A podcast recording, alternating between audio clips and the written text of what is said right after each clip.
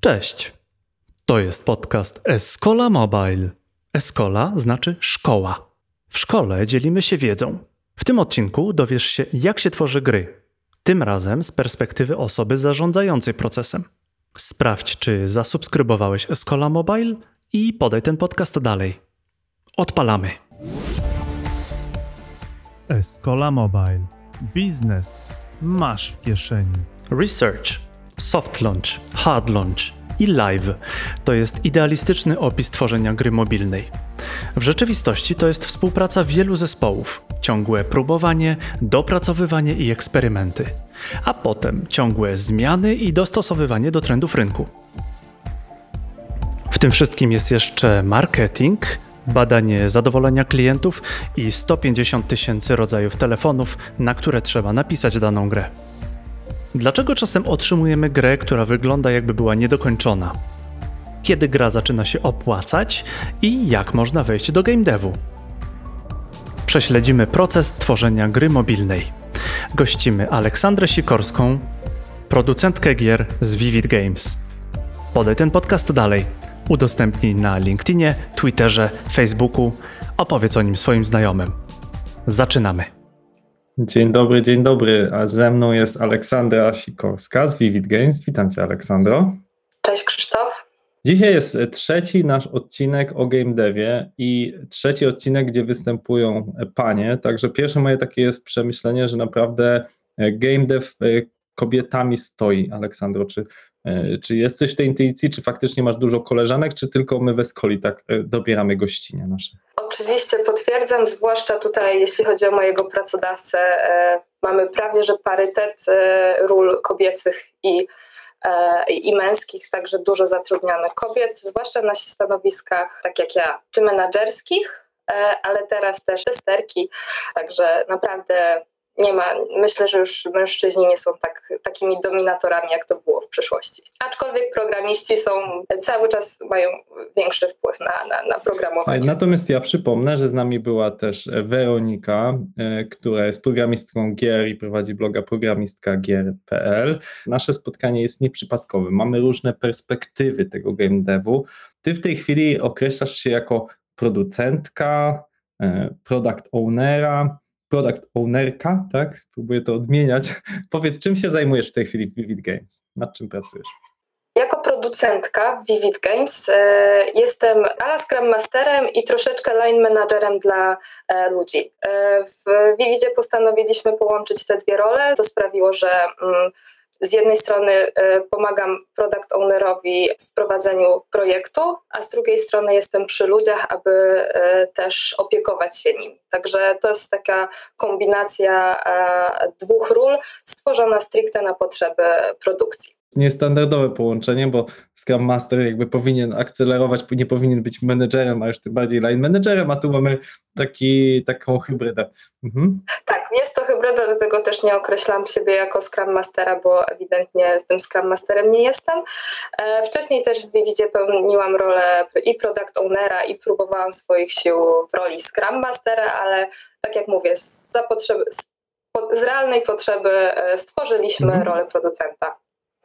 Okej, okay, to może e, zacznijmy od, chciałbym porozmawiać z Tobą o takich e, dwóch rzeczach dzisiaj. Przede wszystkim, jak wygląda taki proces tworzenia gry od A do Z, bo myślę, że to jest coś, co bardzo wiele, e, z wielu z naszych słuchaczy interesuje. Pewnie znają takie hasła nasi słuchacze, jak że jest soft launch, jakiś hard launch, że się pewne rzeczy testuje. E, to jest troszeczkę coś innego i to niż, niż znamy w innych modelach tworzenia oprogramowania, albo przynajmniej inaczej się nazywa, bo zauważyłem, że w game devie często rzeczy, które my znamy y, z takiej wytwarzania oprogramowania, troszeczkę inaczej się nazywają, jest na przykład producent gier, czy, czy scenarzysta y, i te osoby troszeczkę, troszeczkę inaczej się nazywają, a, po, a pełnią relatywnie podobne role. Więc o tym chciałbym przede wszystkim porozmawiać, znaczy jak wygląda proces tworzenia gry, no i drugi temat, który będzie mnie bardzo interesował, to znaczy, co stanowi, nazwijmy to, o, o sukcesie gry, jakby zarówno od strony wewnętrznej teamu, jak i od strony rynkowej. E, I może troszeczkę zacznę od, e, od samego końca, czyli mam wrażenie, że ostatnio wszyscy zwariowali trochę na punkcie w ogóle game developmentu. Widać to przy wynikach giełdowych e, firm, widać to przy tym, co się dzieje, e, jak wypuszczana była e, gra Cyberpunk, z, związana z naszym największym tutaj flagowym producentem gier. Czy możesz jakby jakby jestem ciekaw, dwu, jestem ciekaw jakby z, z, czego to wynika, czy to są naprawdę, czy to jest po prostu taki gigantyczny biznes, czy to raczej jest fan, e, dla którego właśnie ten game development cieszy się aż tak dużym zainteresowaniem, tak z twojej perspektywy. E, z mojej perspektywy jakby odnosząc się do, po, do podstaw. Jakby potrzeba jest e, matką wynalazków i wydaje mi się, że e, e, patrząc na rynek, rynek e, smartfonów, tabletów i ogólnie te, e, całej technologii się rozwija, stąd też takie powstało zapotrzebowanie na gry. Zresztą chyba Martyna też mówiła, 60% e, populacji ma teraz smartfona. Dzieci w szkole, e, kobiety, mężczyźni, nawet babcie i dziadkowie posiadają smartfony, więc trzeba tym ludziom dostarczyć content na smartfona i myślę, że stąd też takie boom. Jest bardzo dużo ludzi, bardzo dużo odbiorców, różnych odbiorców, także stąd taka potrzeba i myślę też nieczerpiące się zasoby. E, e, mhm. gier, żeby ten kontent dostarczyć. Ty rozumiem, zajmujesz, specjalizujesz się wytwarzaniem gier właśnie na telefony i na tablety, tak? To, jakby to jest twoja specjalizacja. Tak, potwierdzam, dokładnie. E, jako Vivid Games robimy, skupiamy się wyłącznie na, na rynku mobilnym i robieniem tele, gier na telefony. Domyślam się, że między konsolą a komputerem jest ogromna różnica, a może się mylę, natomiast czy między telefonem a komputerem również jest y, duża różnica? W sensie w procesie wytwarzania gry? Jest duża różnica. Jakby nawet przy samej rekrutacji specjalistów my tą różnicę zaznaczamy. E, absolutnie osoba robiąca gry na PC nie będzie chciała robić gry na mobile. E, I, e, i też przy technologia jest zupełnie inna. Jakby i iOS, i Android ma swoje ograniczenia i specyfikę oprogramowania.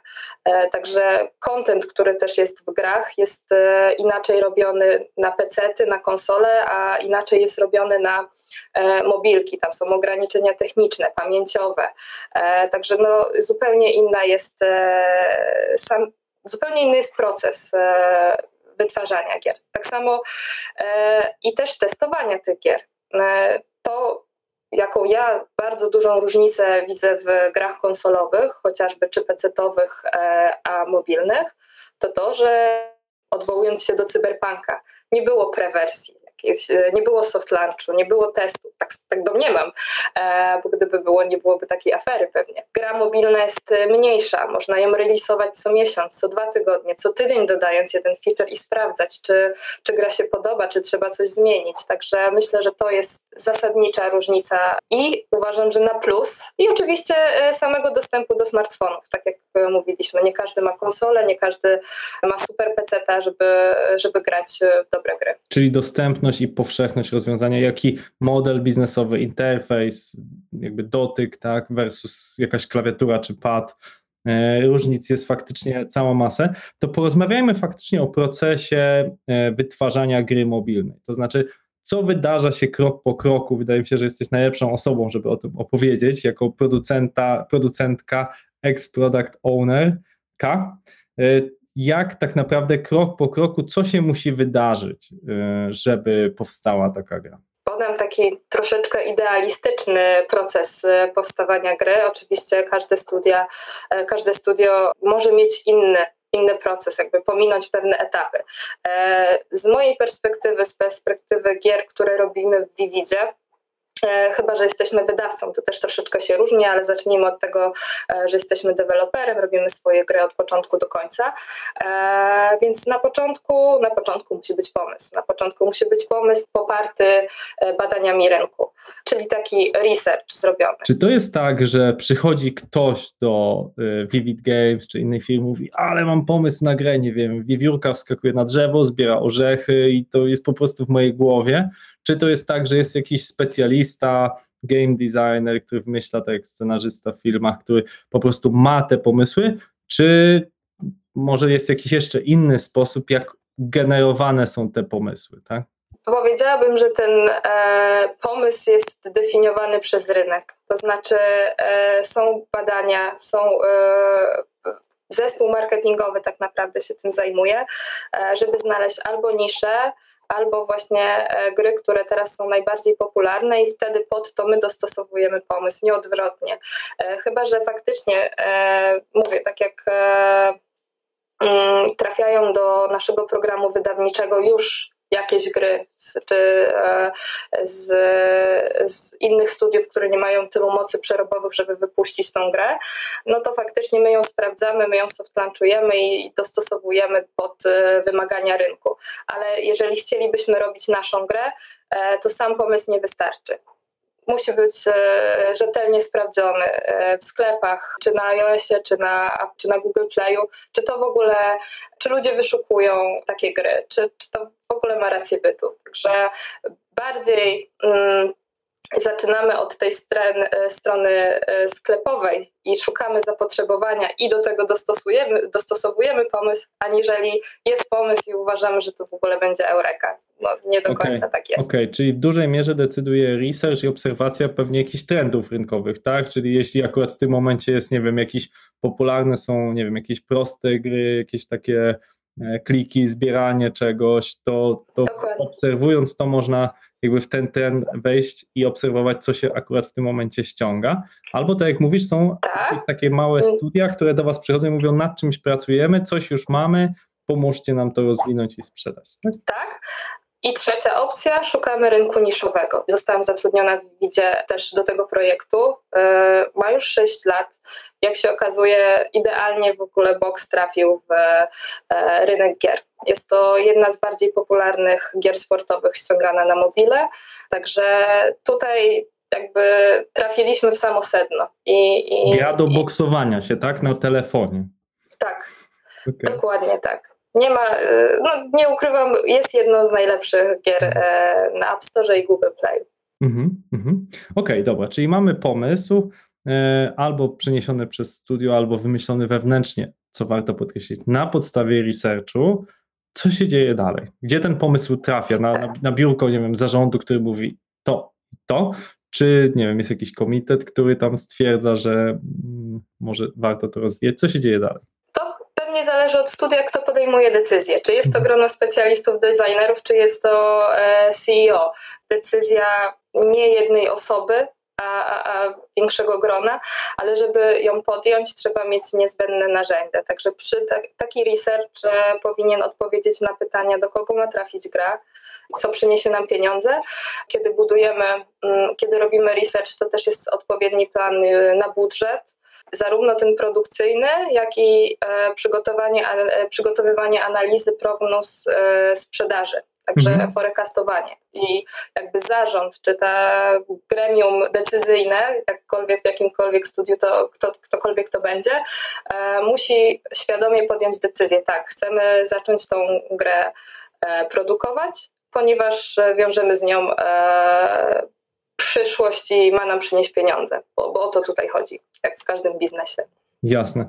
Okej, okay. no to dobrze. Mamy podjętą decyzję, ok, robimy grę box czy inną i chcemy ją e, rozwijać. Co się dzieje, jaki jest następny krok? Bardzo skrótowo, tak, jeżeli już e, podjęliśmy decyzję o tym, że będziemy produkować grę, e, pierwszej w kolejności muszą odbyć się testy. Testy tego, czy nasz pomysł e, ma rację bytu i nasze e, przekonania o tym, że gra będzie fajna, e, faktycznie jest fajna.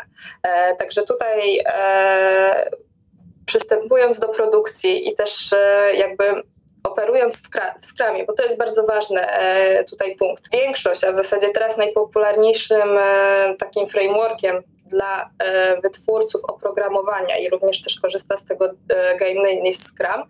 I Scrum zakłada, że pod koniec sprintu e, Przyjmuje się, że jest to około miesiąca, czasami dwutygodniowe. Pod koniec sprintu musi powstać, powstać inkrement, żeby sprawdzić, czy założenia, czy, czy ta gra, czy, czy cokolwiek, co się produkuje, spełnia nasze oczekiwania. Czy mhm. czasem nie jest po prostu strzałem w kolano. Także tutaj rozpoczynając produkcję, musimy mieć na względzie, zwłaszcza jeśli chodzi o gry, żeby jak najszybciej grę releasować, jak najmniejszy fragment, e, żeby od razu dostawać wiadomość zwrotną, e, czy to, co robimy, jest fajne, czy to, robimy, co robimy, ma sens. Mhm. Czyli określmy tą najmniejszą e, część, czyli jeśli gra ma polegać, dajmy na to, niech będzie na tym boksie, tak? E, to co będzie najmniejszym, czyli co? Będzie możliwość co? Tylko nadawania sobie, nie wiem, jakiegoś określonego typu ciosów, tylko jedna runda, tak? To będzie bardzo krótka gra w tym momencie. Czy co to znaczy właśnie taki krótki, mały fragment? Na przykładzie boksu i generalnie wszystkich gier, i to jest jakby najistotniejszy element, który wciąga gracza, jest gameplay. W przypadku boksu jest to oczywiście e, dwóch bokserów zadających sobie ciosy.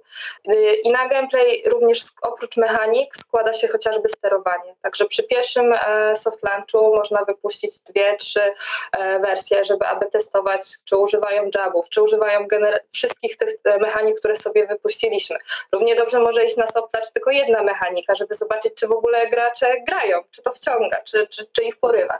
Także e, dla wszystkich twórców gier, którzy chcą rozpocząć swoją przygodę, podstawa to jest gameplay. Od niego wszystko się zaczyna, na nim się wszystko kończy e, i on motywuje do tego, żeby dalej grać, żeby dokonywać płatności i żeby zostać w grze. Także e, gameplay, gameplay, gameplay. Okej, okay, czyli, czyli gameplay, czyli ta właściwa rozrywka.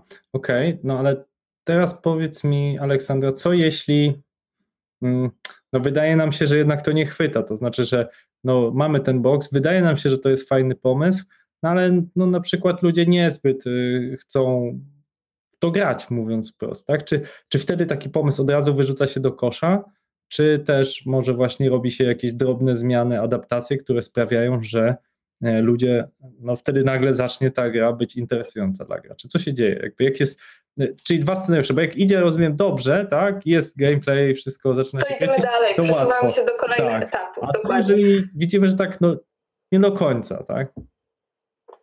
Jeśli nie, kwita, nie, nie chwyta, e, robimy iterację. Także e, też e, niezwykle istotne jest, e, i tutaj też może e, e, nie każdy jest świadomy, że puszczając grę mobilną, jesteśmy, mamy możliwość oeventowania jej.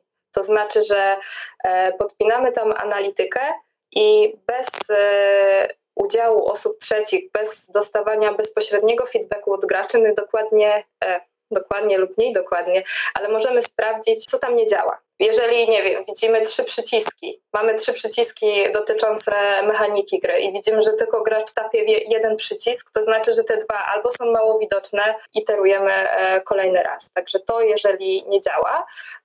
I kiedy powiedzmy, no, no też nie można iterować bez końca. Także e, to, co jest niezwykle istotne w soft launchach, e, żeby powiedzieć sobie dość i, i po to, aby nie generować dalej kosztów, żeby nie generować kosztów i po prostu ubić. Po to, po to e, tak naprawdę są soft launche. Bo właśnie, żeby nie robić gry rok, dwa lata, półtora roku i wypuścić i okazuje się, że jest klapa. Także najważniejsze jest, żeby sprawdzać, sprawdzać, e, zwłaszcza teraz, kiedy mamy te możliwości. E, wystarczy grę udostępnić na jednym rynku, w jednym kraju i, i, i mamy tak naprawdę możliwość sprawdzenia, e, mhm. co działa, a co nie. Okej, okay, czyli, czyli sprawdzamy, jak mówisz, można eventować, czyli co, podpinamy tam jakiś e, Firebase, tak, jakiś Crashlytics, patrzymy, co gdzie, się, co gdzie ludzie klikają, mówiąc wprost. E, masz rację, żeby nie starać się na siłę udowodnić, to jest taki, chyba taki typowy błąd startupów, tak, że na pewno mi się uda, e, nieważne co powie rynek, tak, a, a tak naprawdę chodzi o to, żeby jak najszybciej zweryfikować, czy ludziom, czy ludzie to kupują, tak, kupują to klikami, czy kupują to ściągnięciami, najgorsze jest właśnie takie klapki na oczach i, i jakby e, z nadzieją, że a może był jakiś bug, a może był jakiś crash, to dlatego te wyniki nie są takie fajne. Więc to, co jest ważne w soft launchach, żeby wypuszczać produkt nie tyle kompletny feature'owo, ale żeby był on sprawny technicznie. Także żeby nie było tej dozy niewiadomej. Okej, okay, to dobrze, że to powiedziałeś, czyli soft launch to nie znaczy wersja to, co zrobił CD Projekt Red, to nie znaczy wersja, która nie działa w wielu miejscach. Soft launch to znaczy mała gra jeszcze z nie wszystkimi poziomami, z jeszcze nie wszystkimi funkcjonalnościami. To jest bardzo ważne to dla osób, które nas słuchają. E, że, że jeżeli gra nie działa, to, to ludzie po prostu stwierdzą, ojej, to nie działa, to, to ja nie chcę w to grać. Dokładnie. I to, co jest ważne e, w grach mobilnych, też ona nie musi być super piękna. Oczywiście grafika jest dodatkowym e, mhm. atutem, ale my równie dobrze na Softland możemy puścić gameplay, który nie jest piękny. Możemy mieć mhm. dwóch brzydkich bokserów, którzy nie są super ekstra wypompowanymi postaciami 3D, a po prostu dwoma gościami e, i, i, to już nam dużo mówi. E, z życia wzięty fakt, nawiązując do naszego boksu, troszeczkę odświeżamy wygląd gry, mhm. po czym testując konkretny ekran, wyszło na to, że ta zmiana za dużo nie przyniosła, bo ani konwersja się nie zmieniła, ani sprzedaż na ekranie danej paczki nie wzrosła. To znaczy, że e, no, w grach mobilnych liczy się przede wszystkim funkcjonalność, e, a, a nie do końca grafika. Tutaj może ktoś mnie za to zlinczować, ale dane mówią same za siebie. Także e, grafika nie jest tu tak bardzo, e, myślę, istotna jak funkcjonalność. No tak, czasami aż człowiek się zastanawia, jak widzi niektóre gry, czy to specjalnie one mają taką, nazwijmy to charakterystyczną, bardzo prostą grafikę, właśnie 2D, czy maksymalnie 2,5, a to nie jest takie dopieszczone, ale to sprawia, że człowiekowi też łatwo jest skupić się, tak jak mówisz, na tym gameplayu, tak, na tym, co jest korem tego. E, OK, e, czyli jakby mamy dwa scenariusze, albo idzie to do przodu, albo mm, musimy ciągle iterować, aż się uda i w pewnym momencie, co ważne, powiedzieć, dobra, dość, to nie idzie w dobrą stronę, spróbujmy może z jakimś innym pomysłem. E, OK, no to dobrze, załóżmy, że idzie to w dobrą stronę, czyli mamy potwierdzone, że e, ludziom się to podoba, że analityka idzie w dobrą stronę, że, że faktycznie widzimy te funkcjonalności, powinniśmy rozwijać, dobudowywać kolejne poziomy, co się dzieje dalej? To znaczy, ciekaw jestem też, bo oczywiście mówi się, OK, soft launch, hard launch, ale jakby jaka jest ilość pracy taka standardowo między do soft launchu względem do hard launchu? Czy to jest między soft launchem a hard launchem, nie wiem, dwukrotnie więcej pracy, trzykrotnie więcej pracy, żeby wypuścić taką grę już gotową, e, między tym, jak wypuścimy tą pierwszą wersję z Twojego doświadczenia? E, przede wszystkim, e, jeszcze cofając się do soft launchy, e, mając właściciela produktu, czyli product ownera, on dąży do do uzyskania konkretnych KPI-ów, żeby wypuścić tą grę na hard launch. E, u nas w firmie jest dosyć fajna praktyka, e, że sobie dzielimy e, soft launchy. Powiedzmy, mamy ten soft launch gameplayowy, żeby zobaczyć, czy gameplay wciągnie soft launch monetyzacyjny, czyli czy content, który udostępniamy, się sprzedaje. Może być soft launch techniczny, czyli czy gra jest dostosowana do, do mobilek. Także jeżeli te wszystkie E, punkty mamy spełnione, tickboxy odznaczone, KPI retencyjne i, i sprzedażowe są na zadowalającym poziomie, bach, pchamy grę na, mm, na hard launch, na globalny rynek. Soft launchy, bo mówisz soft launch, tak? Ale tych soft launchy, z tego co mówisz, jest kilka, tak? Czyli jakby tak, wypuszczam... to nie jest, dokładnie. Okej, okay. a jeszcze jedno, bo mówi się, to padło chyba nawet w naszym podcaście, że wypuszcza się często w jakichś tam krajach, że nie wiem, nie, nie, tak dawno były Filipiny, które dobrze odzwierciedlały rynek Stanów Zjednoczonych. Czy nadal się tak robi, że wypuszcza się w jakichś takich dla nas z perspektywy Polaków dość egzotycznych krajach, żeby właśnie przetestować, czy to będzie e, dobra gra na, na, na cały świat? Kwestia, dlaczego to są Filipiny, e, jakby są dwa oczywiste determinanty. Koszt i e, koszt użytkowników, których e, kupujemy i tam akurat ten rynek jest dosyć dla nas łaskawy i, się to opłaca, bo i liczba osób, które możemy pozyskać. No jest to dobra e, forma sprawdzania KPI-ów, aczkolwiek one potem mogą się faktycznie różnić, e, ale wychodzimy z założenia, że raczej będą lepsze, aniżeli gorsze. I to też potwierdza e, nasze doświadczenie. Okej, okay. dobra, to wracamy do hard launchu, czyli mamy te tick box, ok, techniczny, e, soft launch udał się, e, tak, funkcjonalny, retencja jest e, na dobrym poziomie, wydaje się, że wszystko idzie w dobrą stronę, nie ma bugów, crashy jest relatywnie mało, czas wypuścić grę tak jakby full scale. I co wtedy się robi? Też, też od strony marketingowej, żeby to faktycznie złapało swój, swoją, swoją trakcję, jak to się mówi. Tak naprawdę marketing działa już od samego początku. Oni sobie w backgroundzie e, troszeczkę, nie chcę powiedzieć w oderwaniu od produkcji, ale jakby oni mają swoje schematy. Ja tutaj e, też mówię, e, jestem bardziej bliżej produkcji, e, aniżeli marketingowo, e, ale w marketingu e, do hard launchu są tworzone creatives, też jest zrobione ASO, czyli to jak mhm. Dokładnie, czyli wszystkie keywordy, żeby łatwo było znaleźć grę. Także szereg rzeczy jest robionych tak samo jak my soft launchujemy sam produkt, tak w backgroundzie marketing testuje na, na, na sklepie wszystkie kreatywsy, keyarty, ikonki, Także to też jest jakby osobny schemat troszeczkę. Okej, okay, czy jeszcze marketing swoją ścieżką robi takie e, testy, co faktycznie działa, co się sprawdza w marketingu danego produktu? Dokładnie, jakby od marketingu i od y, ściągnięcia wszystko się zaczyna, a potem gra musi y, przemawiać sama za siebie, ale na, na, zanim e, ten gracz ją ściągnie i pobierze, to tutaj marketing musi zadziałać. Dlatego tak ważny jest ten research, Mm, może jeszcze dopowiem. E, bardzo często e, jakby na rynku jest tak niezwykle wielka konkurencja, że mimo nawet dobrej gry, ta gra może zostać nieznaleziona. I tutaj jest e, ważna rzecz dla osób, które nie wiedzą, czyli kupowanie użytkowników. Z ruchu organicznego na ten moment patrząc na, na, na gry, przynajmniej w Vividzie, no nie jesteśmy w stanie bez kupowania użytkowników za, e, zabezpieczyć e, bardzo dużej ilości pobrań. Jakby to jest maszyna samo nakręcająca się. Im więcej kupujemy, tym więcej też ludzi z tej nieorganiki przychodzi, bo znajduje grę, która pnie się na pnie się w rankingach. Także no to jest niezwykle istotne. Mhm. Myślę, że warto, żebyś e, Aleksandra powiedziała, czym jest kupowanie użytkowników, bo wielu ludziom się to kojarzy z kupowaniem followersów, czy jakichś kont e, nieprawdziwych z Instagrama, czy, czy jakichś tam z Indie e, na, na, dla, dla instablogerek, ale tu mówimy po prostu o płaceniu za reklamy po to, żeby Google czy Apple pokazały waszą grę w jakichś tam promowanych, żeby do większej liczby ludzi dotrzeć. Tak? To nie chodzi o kupowanie nieprawdziwych kont, bo z nich nie, mieliby, nie mielibyśmy sensownych testów, prawda?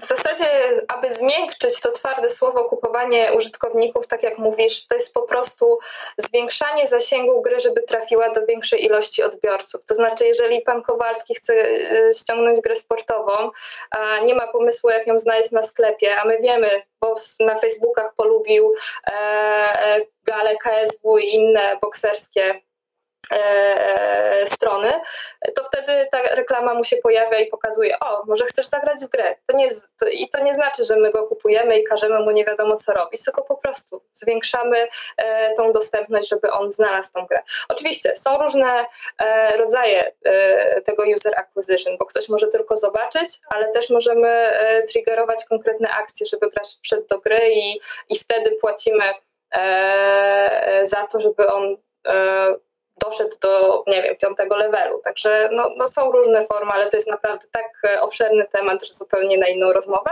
ale absolutnie kupowanie y, użytkowników e, nie jest czymś demonicznym, a w zasadzie niezbędnym do prawidłowego funkcjonowania. Okej. Okay. Czyli mamy teraz hard launch, jest gra już jakby w sklepach w wielu krajach. Jestem ciekaw, czy rozróżnia się w, w, zależności od kraju to, jak gra, nie wiem, wygląda, bo większość gier jednak wypuszcza się w języku angielskim, więc jestem ciekaw tutaj podejścia twojego, czy, czy Vivid Games ogólnie, czy, czy staracie się, nie wiem, jakoś lokalizować te gry na najważniejsze, najpopularniejsze języki? Kiedyś, wypuszczając grę, było niezbędnym zlokalizować ją w 14 językach, bo to dawało szansę na featuring. E, teraz e, featuringi już są, nie, nie mają takiej mocy jak kiedyś e, i nie trzeba spełniać tych wszystkich warunków, które trzeba było kiedyś. My dalej lokalizujemy nasze gry.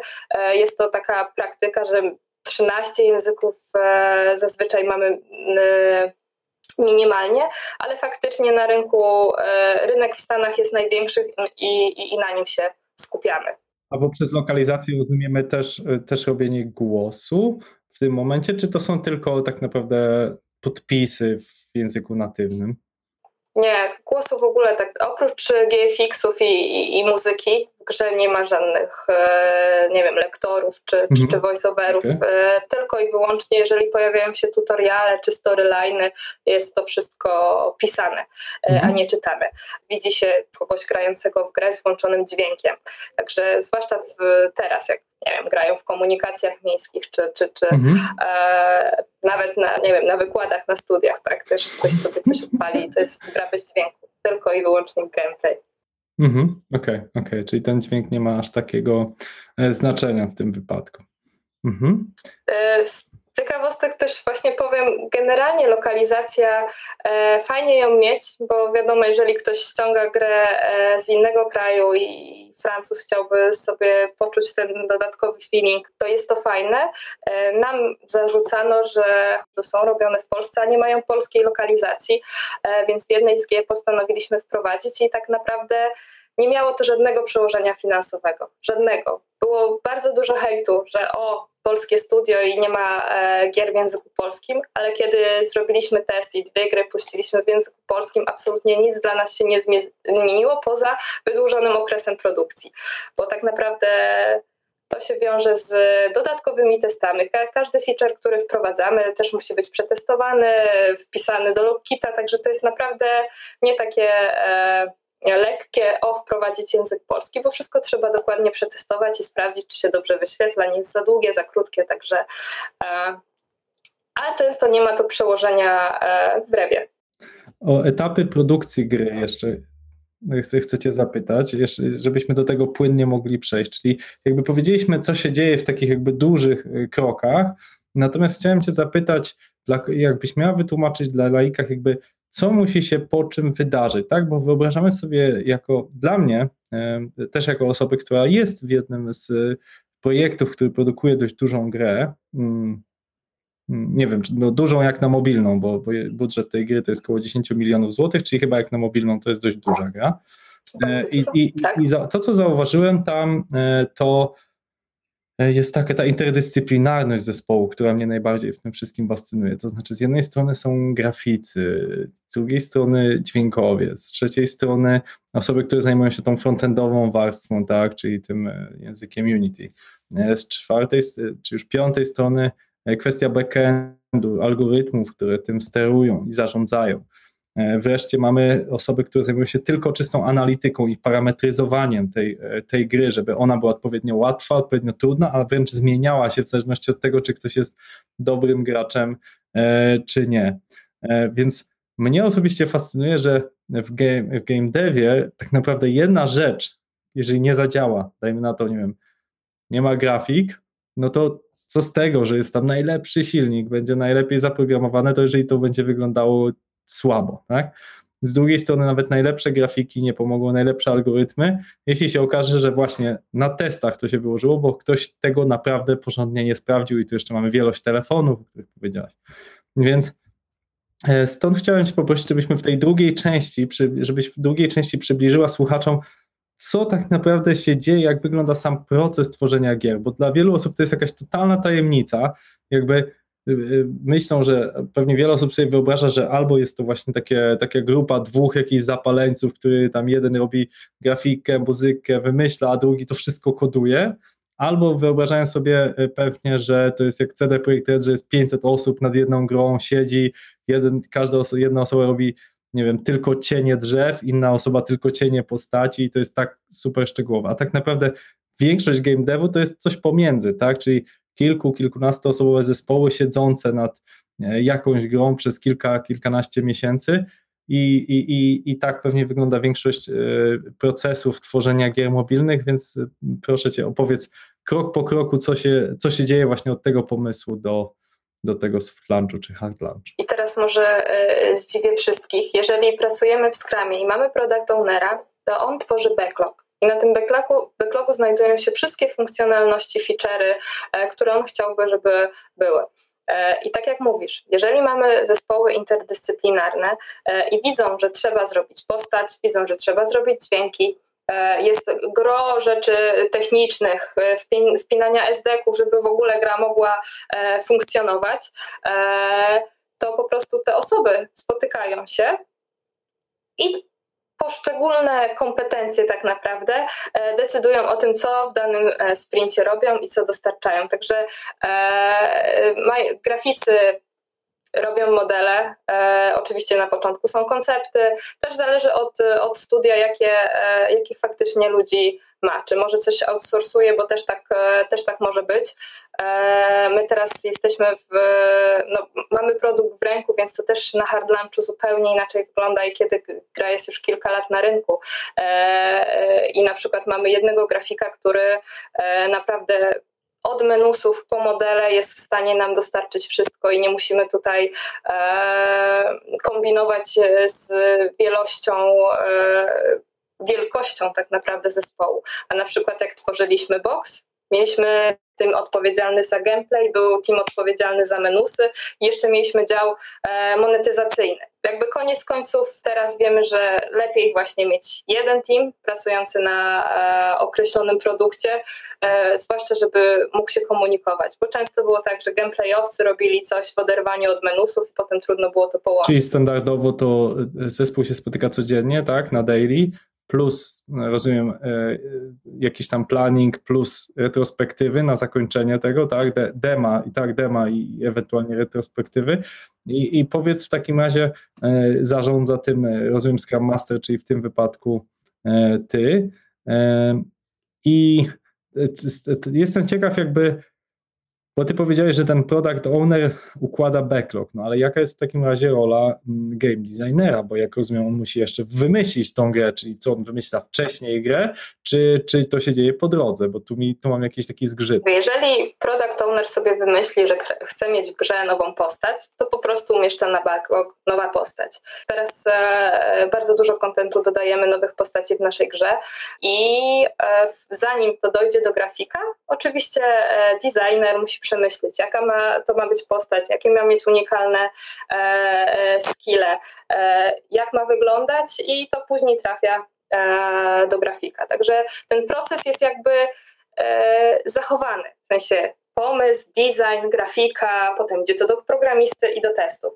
Ale e, wychodzi to z backlogu, gdzie ludzie sobie podbierają te taski. Także e, projekt, product owner e, wymyśla, co, co by chciał mieć zaficzery, które zwiększą wartość produktu, bo to, to jest takie e, clue e, biznesowe, a później już każdy tak naprawdę sobie wie, co do niego należy i powinien to zaprojektować.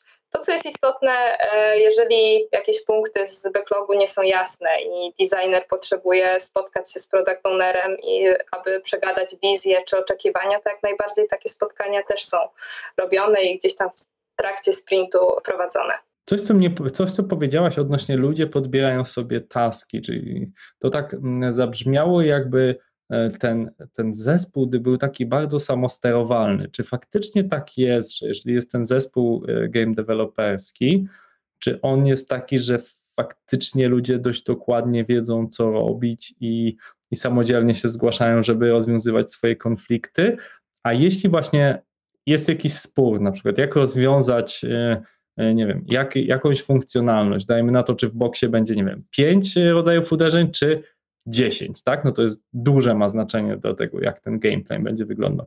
Kto rozwiązuje taki spór? Czy to jest product owner, czy to jest game designer, czy jeszcze ktoś inny? Jak, jak takie spotkanie wygląda, żeby, coś takiego rozstrzygnąć? Może idealistycznie to brzmi, że ludzie sobie sami podbierają, wiedzą dokładnie co robić, ale faktycznie tak jest, ale zależy to od etapu e, i projektu, i etapu zespołu, doświadczenia zespołu, jak długo razem ze sobą pracują. E, ja mam to szczęście w boksie, mamy bardzo dużo doświadczonych i programistów, e, i mamy doświadczonych designerów i testerów, także e, kiedy wpada coś na backlog i trzeba obgadać dany temat, to wszyscy się udzielają, a też mają poparcie w danych, co może się udać, a, a, a co może się nie udać. E, jakby decyzję ostateczną w razie jakichkolwiek sporów podejmuje oczywiście product owner, aczkolwiek e, mamy mm, jakby na bieżąco w zespole jest analityk, jest w stanie rozwiać wątpliwości po prostu zaglądając w liczby. Jeżeli mamy, nie wiem, 15 boostów i się sprzedaje tylko 5, to po co tworzyć kolejne? E, może coś trzeba zrobić i, i przedesignować. Także fajnie się sprzedaje content e, z bokserami, to, da, to dodawajmy ten content. Także w razie sporów liczby mówią same za siebie, e, i zaglądamy w analitykę, plus mamy product ownera, który no, najlepiej wie, co dla produktu jest dobre. O, jeszcze jedna rzecz to rozwiązywanie konfliktów, druga rzecz to analityka, ale trzecia rzecz to jakby dokumentacja, bo zakładam, że skoro tworzycie tych gier dość sporo, jako dość duża firma, Vivid Games, to hmm, jestem bardzo ciekaw, jak wymieniane są dane między zespołami. To znaczy, prawda, wy zdobywacie pewną wiedzę, macie informacje z analityki, ma, macie pewne informacje, co działa. I jestem ciekaw, po, potem za chwilę produkujecie kolejną grę i kolejną. To znaczy, w jaki sposób tutaj transferowana jest wiedza? Czy to jest tylko y, ta wiedza w ludziach i przez to, że macie jakieś, rozumiem, komitety, co będzie kolejnego, to się wymieniacie tymi informacjami, czy jest może jakiś taki, nie wiem, wielka baza, że jest spisywane, co zadziałało, a co nie zadziałało, jakieś dobre praktyki. Jak, jak wygląda transfer wiedzy pomiędzy kolejnymi projektami? Transfer między projektami, tak naprawdę, jeśli chodzi o Vivid, mamy bazę, bazę wiedzy bazę wiedzy, która jest po prostu systemem analitycznym e, i tam przechowywane są informacje dotyczące wszystkich projektów, czyli e, jakie wszystkie KPI, retencje, e, ARPU, konwersje, także funele, jak gracze grają. Także jeżeli designerzy mają ochotę dowiedzieć się czegoś o danej grze, to oczywiście jakby bezpośrednio mogą iść do designera z innego projektu i wtedy na tych dashboardach pod dany produkt e, dzielą się wiedzą. Telefony to jest e, bardzo złożona kwestia e, w kwestii właśnie wydajności, w kwestii wielkości ekranów, szczególnie pewnie w Androidzie, bo no ile w, komputer, w komputerach komputerowych, w konsolach jest bardzo łatwo, bo mamy kilka typów konsol i określa, że nie wiem, od PS4, czyli tam Xbox One S to działa, przypadku komputerów określa się też jakieś tam minimalne wymagania. Natomiast jak to zrobić w przypadku telefonów? Czy to się określa, że nie wiem, od Androida 9 ta gra ma działać? E, jak, jak wtedy to się określa, żeby nie było potem zażaleń i opinii na, na App Store czy na Google Play, hej, no ta gra, nie wiem, laguje, nie działa tak szybko, jakbym chciał, albo może w ogóle nie działa?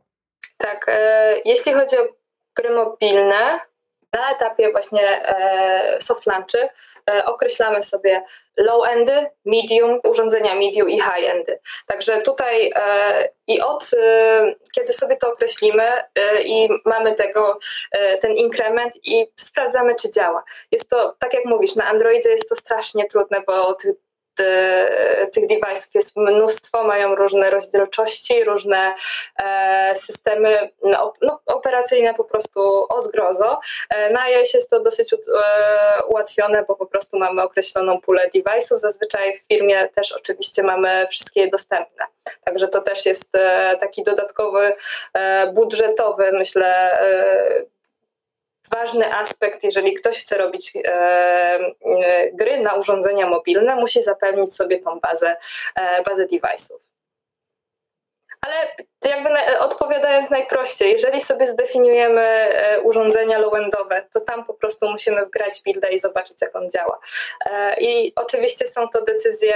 Google akurat jest super, bo daje możliwości odcinania poszczególnych device'ów na sklepie. To znaczy, nie wiem, laguje nam e, jakiś LG słaby i stwierdzamy, nie, no technicznie nie jesteśmy w stanie polepszyć tego, to po prostu wyłączamy dostępność jego na sklepie. Tak, nie ściągnie tej gry. Mhm. Dokładnie, on jej w ogóle nie widzi, nie, nie, nie, nie zobaczy, nie da jedynki, mhm. nie skomentuje, Super. że mhm. laguje. Okej, okay. Aleksandra, chciałem Cię jeszcze zapytać, jak już przeszliśmy przez y, najpierw część, jak wygląda ten proces, a y, od, od wewnątrz, jak i y, od zewnątrz, tak, wygląda proces tworzenia gry, jestem, e, chciałem Cię zapytać o coś, co bardzo dużo osób e, nas pyta, czyli jak wejść do game devu. To znaczy, wiele osób myśli, że chciałoby stworzyć pierwszą swoją grę albo zostać programistą, programistką, albo może game designerem, albo UX designerem. Jest sporo w tej chwili tych stanowisk, więc jestem ciekaw, jaka była Twoja droga i co byś poleciła innym, może młodszym stażem w game devie osobom, żeby mogły do tego magicznego świata wejść. To jak w magii bywa, ja miałam niezwykłe szczęście i, i, i z jednej strony szczęście, z drugiej strony przypadek w ogóle, że trafiłam do game devu. E, nie jest tajemnicą i wszyscy wiedzą, że nie jestem graczem i nigdy nie marzyłam o tym, żeby wejść do, do game devu. Przypadek sprawił, że się tam znalazłam i, i kocham ten przypadek. Wiedziałam, że jest rekrutacja w Vividzie na wtedy jeszcze na associate producenta. Geneza, tak jak mówiłam wcześniej, Box był wielkim projektem podzielonym na kilka zespołów z producentem, wtedy jeszcze na czele, nie product ownerem i miał tych takich swoich podproducentów, czyli associate producentów i zaaplikowałam, sama to wyszukałam. E, los sprawił, że gdzieś jeszcze indziej aplikowałam do IT, tam mnie nie przyjęli, a, a w Vividzie się udało i jestem po, po dziś dzień bardzo zadowolona z tej, z tej ścieżki kariery. A co byś radziła innym? Tak naprawdę, jeśli chodzi o, o game dev, moim zdaniem e, po prostu są różne e, stanowiska, na które aplikujemy. I te, specjal- te o bardzo wąskim zakresie specjalizacji, czyli samo tworzenie gier, programowanie, no to tutaj trzeba nie chciałabym powiedzieć wynieść to z mlekiem matki, ale no, trzeba dużo robić. Ale jest szereg e, innych pozycji, tak jak na przykład mamy analityków i, i bardzo dużo ich zatrudniamy. E, I i też sobie chwalę e, współpracę z ludźmi, którzy nie przychodzą w ogóle z, ze środowiska game devowego, tylko po prostu ze sprzedaży, z marketingu i są świetnie e, e, na podstawie swoich doświadczeń analizować dane game devowe. Także e, też, jeżeli ktoś jest w ogóle zainteresowany game devem, niech e, wchodzi i niech patrzy na, na, na strony e, studiów deweloperskich i szuka tam swoich e, e, kwalifikacji tak naprawdę. Mamy też tak stanowisko testera i tutaj też do, do młodych ludzi oczywiście też, żeby rozwiać ich e, pobożne życzenia na temat pracy testera, bo to jest coś takiego chyba najczęściej spotykanego, kiedy się rozmawia z młodymi ludźmi, a chciałbym być testerem, będę sobie grał w gry i to jest moja praca. A niekoniecznie to tak wygląda, ponieważ tester musi być bardzo skrupulatny i sprawdzanie tego samego fragmentu gry po 100 razy dziennie e, i, czy, i po prostu weryfikowanie, czy eventy, z, kiedy tapie dobrze się wyświetlają w, w narzędziu do raportowania tych eventów, no to jest bardzo żmudna praca. E, ale zachęcam, żeby e, po prostu patrzeć, e, jakie są stanowiska obecnie dostępne na, w game w game devie.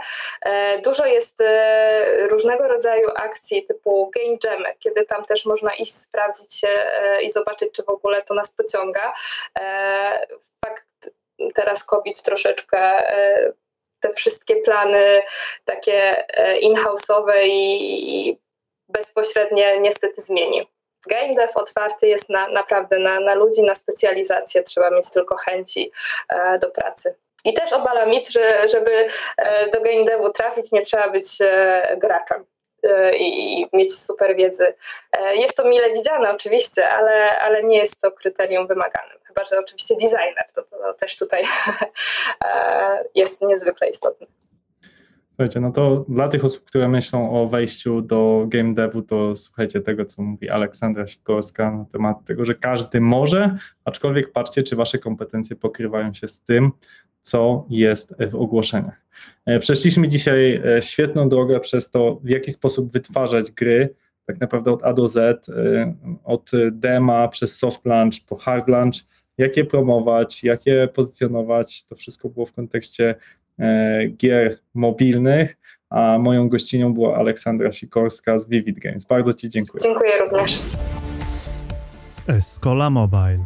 Biznes masz w kieszeni. Jeśli spodobał Ci się ten odcinek, udostępnij go na Facebooku, LinkedInie, Twitterze.